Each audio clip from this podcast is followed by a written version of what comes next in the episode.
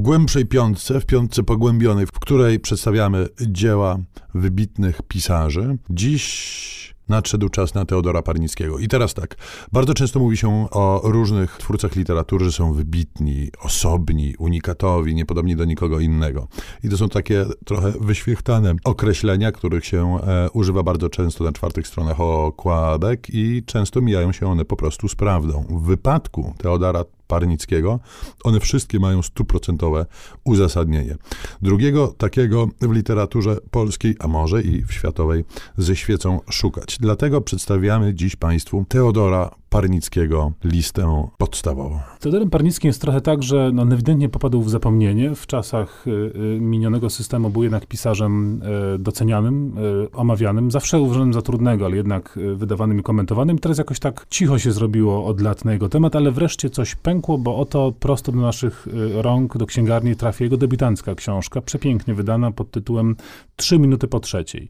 I to nie jest zły pomysł, żeby zacząć znajomość z Parnickim od właśnie jego debiutu, bo to jest zupełnie co innego niż on pisywał potem, choć pewne elementy typowe znaleźć w niej można. Trzy minuty po trzeciej to jest powieść sensacyjna. Para bohaterów, y, którzy się w niej pojawiają, zostaje wplątana w no, taką szpiegowską aferę, gdzie chodzi o takie tajne japońskie papiery, które mają zostać przejęte przez sowiecki wywiad i oni zostają zmuszeni ci dwaj do tego, żeby sprawą się zająć y, trochę nie mając wyjścia, czyli to taki trochę jest bohater z przypadku. I to wszystko jest sprawne, przyjemne, no troszeczkę trącące myszką, ale jakby napisane z, z wyczuciem rzemiosła.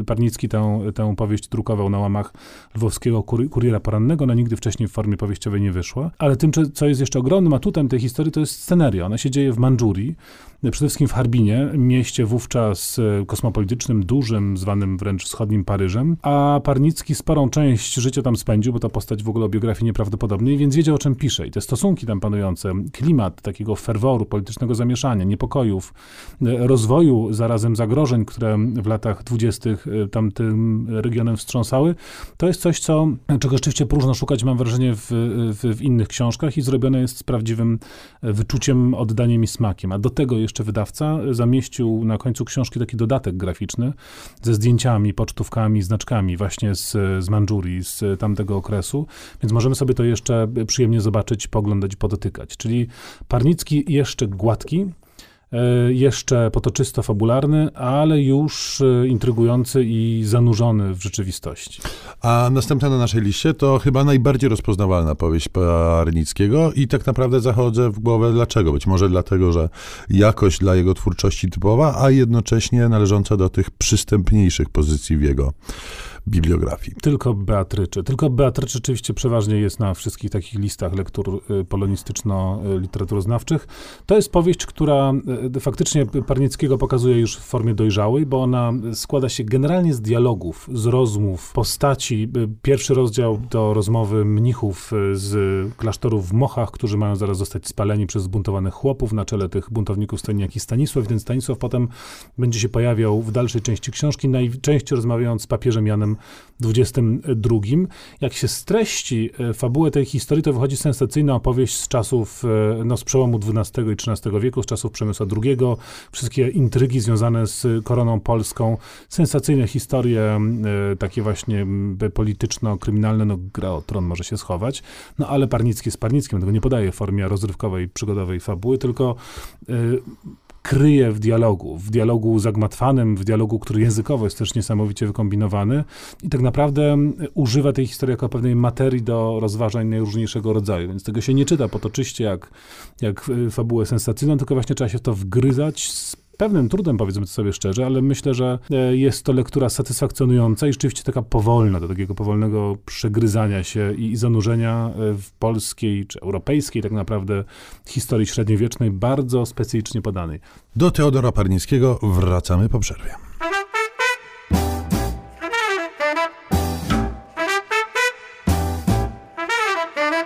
Piątka z literatury. Wybierają Szymon Kloska i Tomasz Pindel z Instytutu Książki.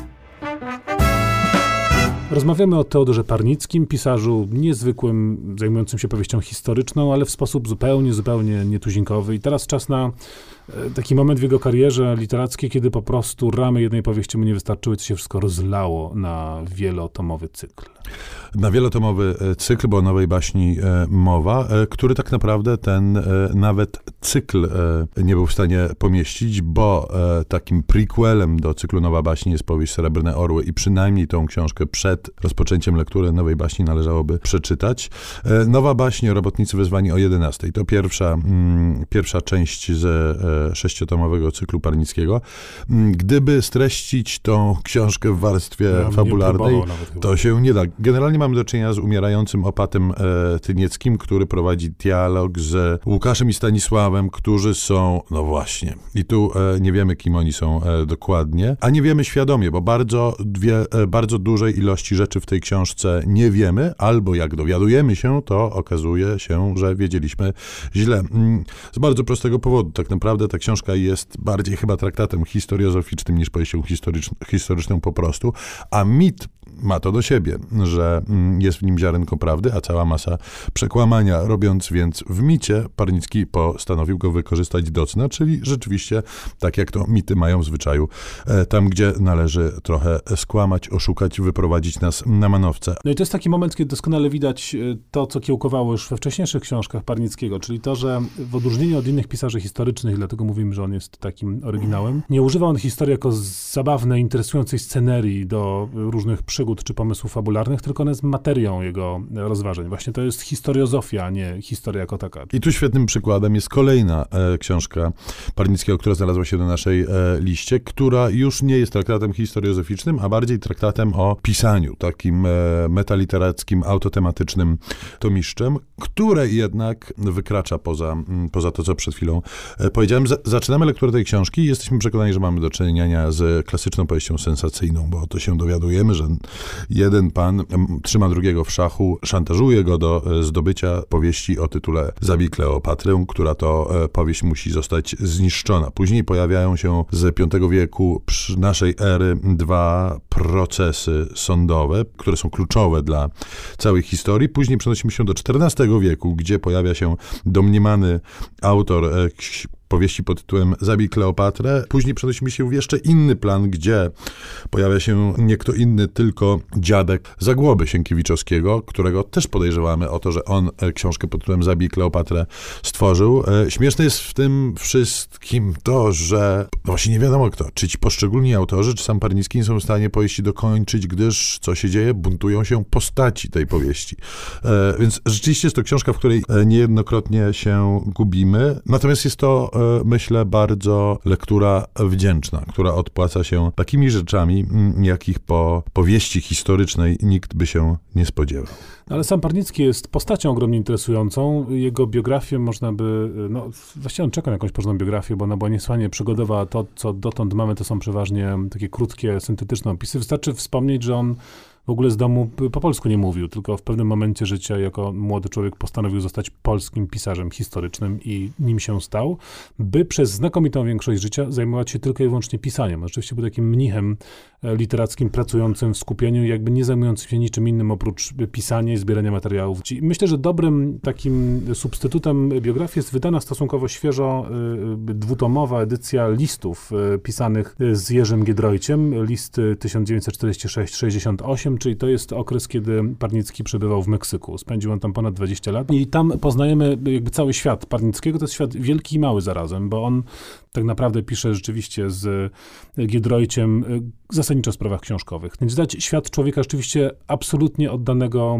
oddanego pisarstwu. Pisarza, który y, należał do tej grupy twórców emigracyjnych, ale zupełnie nie mieści się w takich typowych ramach. Tam, Tak, umówmy się, on w jakichkolwiek ramach średnio się mieści. Prawda? Więc rzeczywiście rozsadza i powieściami, swoim życiem wszystko, co się da, więc Parnicki na pewno jest pisarzem, mm, do którego wrócić trzeba. Książek jego jest sporo po bibliotekach, nawet właśnie widzimy pewne po- pojawiają się na nowo. Wymaga pewnej, pewnego spokoju przy czytaniu, ale może warto przyznać jednego Parnickiego niż pięć kolejnych bestsellerów. I to by było na tyle. Szymon Kloska. Tomasz Pindel.